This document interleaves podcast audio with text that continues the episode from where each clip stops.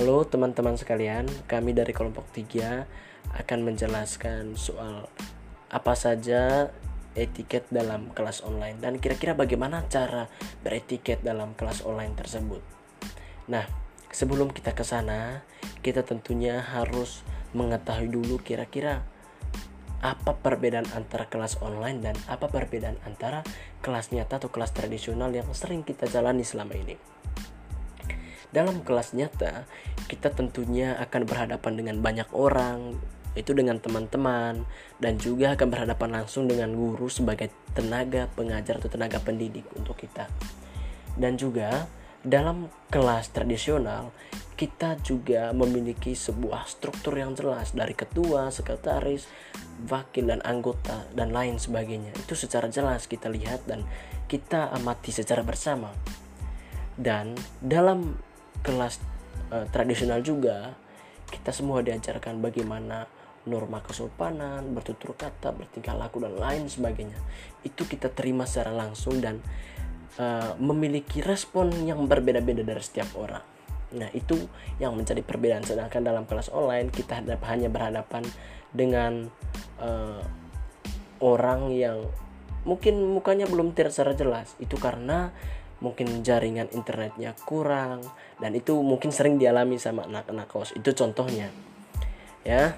Dan uh, kita akan berbicara juga soal bagaimana beretika dalam kelas online. Ya uh, seorang ahli dalam bukunya yaitu Safin ahlinya namanya Safin ya. Jadi dia mengatakan bahwa uh, komunikasi media jarak jauh yang menyebabkan etika dan perilaku itu tidak terlihat secara nyata.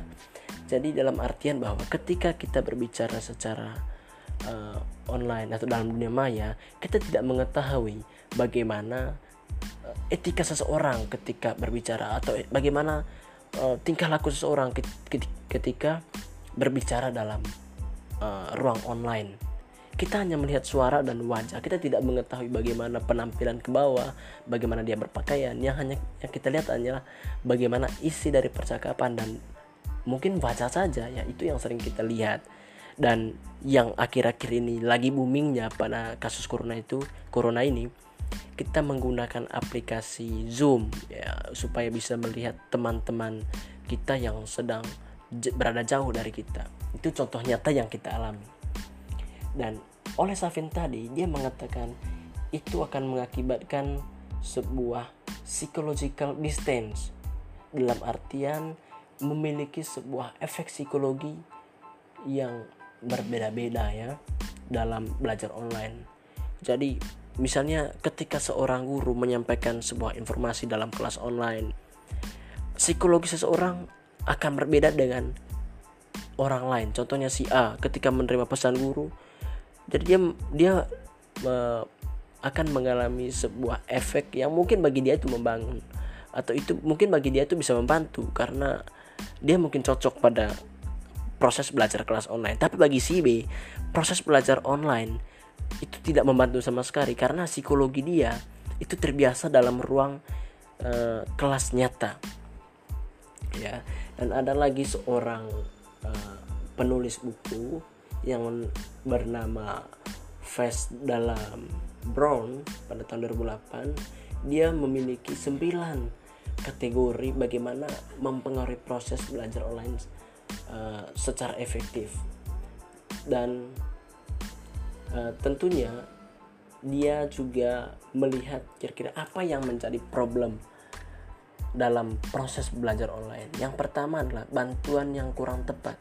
Nah, bantuan yang kurang tepat ini maksudnya apa? Bantuan yang kurang tepat ini adalah ketika si A menerima informasi dari seorang guru ketika dalam belajar online ya, ketika si A menerima informasi dan dia gagal paham, dia mungkin akan kesulitan ketika bertanya balik karena proses dalam kelas online ini itu terjadi banyak hambatan. Mungkin yang lain sedang bertanya dan mungkin jaringannya akan terputus-putus sehingga uh, apa yang ingin disampaikan, apa yang ingin diketahui oleh si ente tidak tersampaikan secara jelas. Nah berbeda dengan kelas kelas nyata atau kelas tradisional. ketika dalam kelas tradisional ketika si A ini ingin mengetahui sebuah informasi dia bisa bertanya langsung dengan guru dan mungkin dia tidak tahu cara bagaimana hmm, mengkalikan sebuah bilangan negatif dan positif dan si guru bisa memberikan alat peraga misalnya ini dengan ini. Nah, itu itu itu sangat membantu seseorang dalam uh, kelas nyata. Berbeda dengan kelas, kelas online terjadi begitu banyak hambatan. Yang kedua adalah penyalahgunaan sumber ya.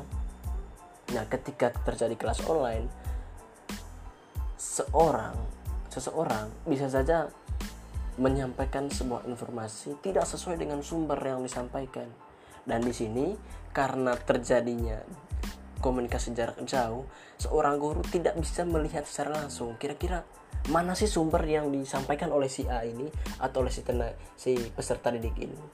Dan di situ terjadilah sebuah pelanggaran etika atau norma kejujuran. Nah itu yang terjadi dalam kelas online. Begitu. Dan uh, tutorial yang tidak maksimal itu yang ketiga tutorial yang tidak maksimal.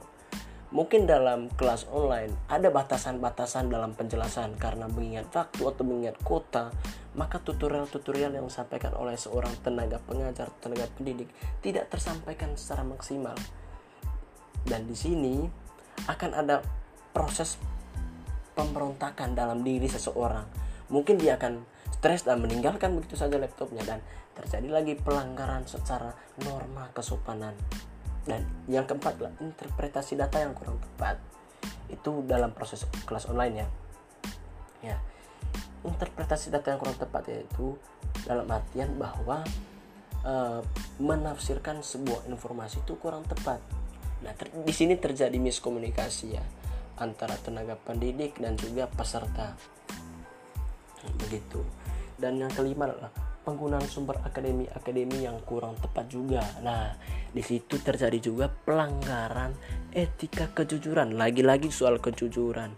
Nah, itu yang sering kali terjadi dalam uh, kelas online di mana seseorang uh, menyampaikan apa namanya menyampaikan sumber asal-asalan saja. Intinya bersifat ilmiah ya begitu. Itu yang terjadi dan kurangnya menghormati pekerjaan orang lain atau kurangnya menghormati statement orang lain. Nah, dalam kelas online ini ya contohnya di Zoom. Saya juga pernah bertanya kepada teman saya yang sudah mengikuti kelas online. Jadi dia mengatakan bahwa ketika melakukan kelas online ini tidak begitu banyak anak-anak yang serius. Intinya hanya menghadirkan diri saja dalam kelas online. Tetapi setelah itu mereka masih melakukan kegiatan yang lain. Nah, di situ terjadi pelanggaran.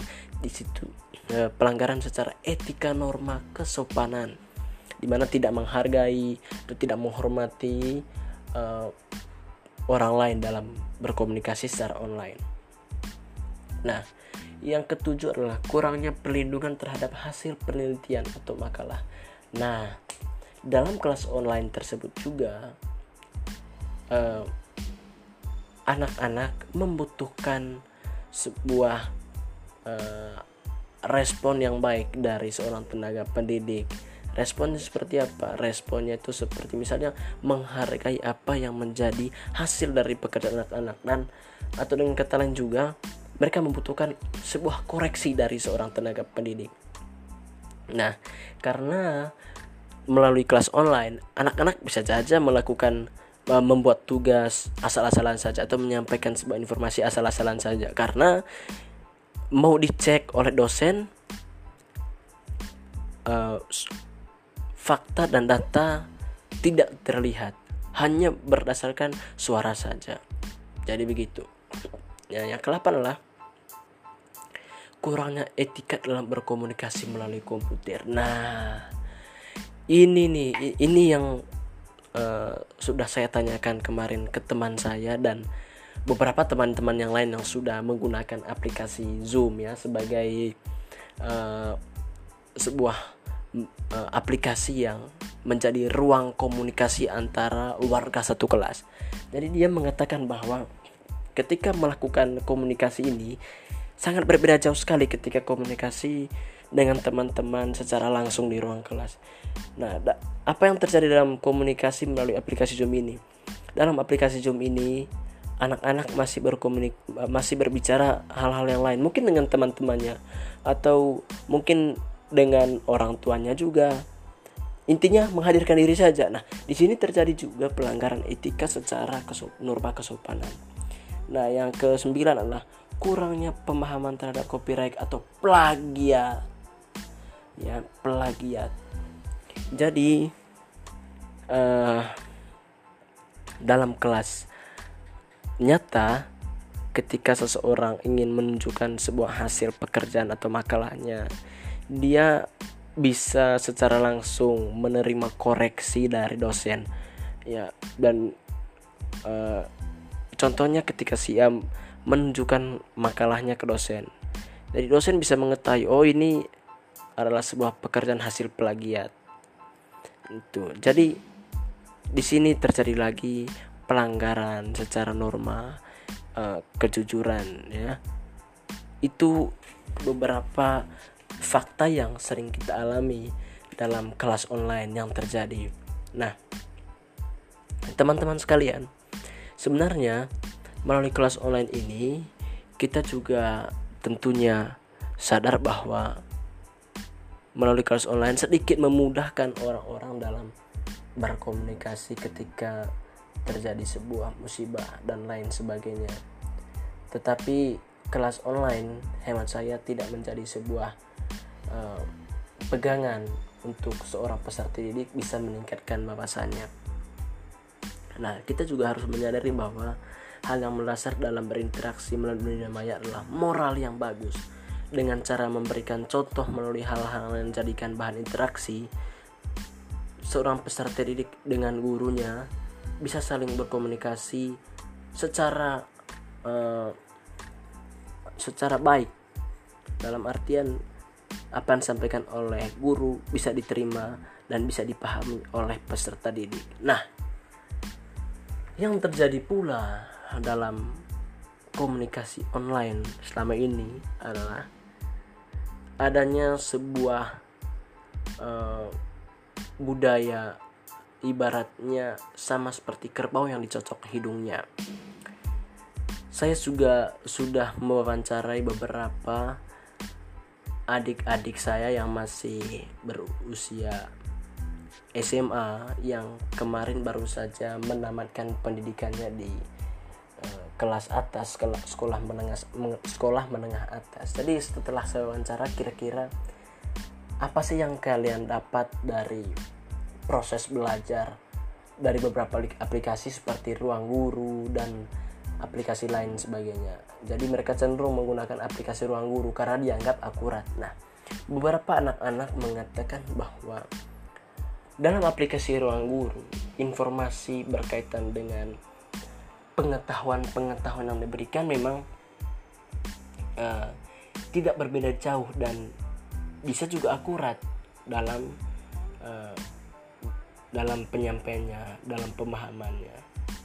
Tetapi dalam ruang online, ruang belajar online ini masih banyak anak-anak yang gagal paham dengan informasi yang disampaikan. Jadi ketika dalam uh, sebuah video yang disampaikan oleh seseorang yang punya ahli dalam bidang matematika misalnya, anak-anak hanya mengikuti saja tanpa ada respon balik dalam dari, dari dalam diri anak-anak jadi di situ terjadilah sebuah gagal paham dalam diri anak-anak jadi rasa keingintahuan anak-anak itu tidak tidak bisa tersampaikan jelas, tidak bisa dipenuhi karena anak-anak hanya bergantung dari video yang sudah dikirim dalam sebuah aplikasi. Contohnya tadi ruang belajar itu ya. Ruang guru ya, ruang guru. Nah, apa yang terjadi? Yang terjadi adalah anak-anak hanya mengikuti informasi yang disampaikan oleh guru. Begitu. Jadi ketika si guru yang di dalam ruang guru, dalam aplikasi ruang guru ini menyampaikan A, maka respon yang diterima sama anak-anak adalah A. Jadi begitu. Yang dalam pikiran anak-anak bahwa yang menyampaikan adalah guru dan saya adalah seorang siswa biasa jadi apa yang disampaikan oleh guru itu benar tetapi ketika anak-anak yang kritis anak-anak yang punya pengetahuan ketika mereka penasaran dengan penjelasan guru mereka akan bertanya itu sebenarnya itu yang idealnya dalam dunia nyata. Tapi dalam ruang guru ini itu tidak bisa tersampaikan dengan jelas. Dan itu membutuhkan sebuah proses atau waktu yang sangat lama sekali. Dan yang terjadi adalah lagi-lagi pemberontakan dalam diri anak-anak. Nah teman-teman sekalian uh, kurang lebih apa yang kami cari dari beberapa informasi baik dari uh, pustaka online maupun dari informasi secara langsung dari beberapa adik kelas kurang lebih bisa menjawab bagaimana perbedaan antara kelas online dari kelas tradisional terlebih khususnya dalam beretika ya. Jadi uh, pola komunikasi bermedia memang tidak bisa disamakan dengan tatap muka ya. Sifatnya yang uh, non personal jadi walaupun antara dua orang karena ada media yang digunakan atau misalkan sehingga tanda-tanda sosial atau yang disebut konteks tidak penuh menyertainya ya. Jadi uh, oleh karena itu apa yang tuangkan dalam pesan bermedia harus dibuat agar dimaknai sama oleh penerimanya. Dan hal ini memerlukan suatu daya imajinasi yang cukup tinggi tentunya.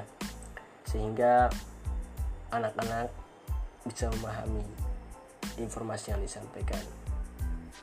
Jadi dalam akhir video ini apabila uh, penjelasannya kurang jelas atau uh, penyampainya kurang dipahami, harap dimaklumi dan terima kasih untuk teman-teman yang sudah mendengarkan. Semoga ini juga bermanfaat bagi teman-teman dan semoga ke depannya teman-teman lebih kritis lagi dan lebih membuka wawasan lagi ketika melakukan uh, kelas online atau berkomunikasi melalui media online dan jagalah etika teman-teman dan menjunjung tinggi norma-norma yang sudah ditetapkan.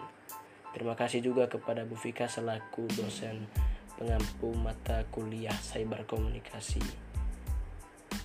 Oke teman-teman, selamat berjuang dan hidup mahasiswa.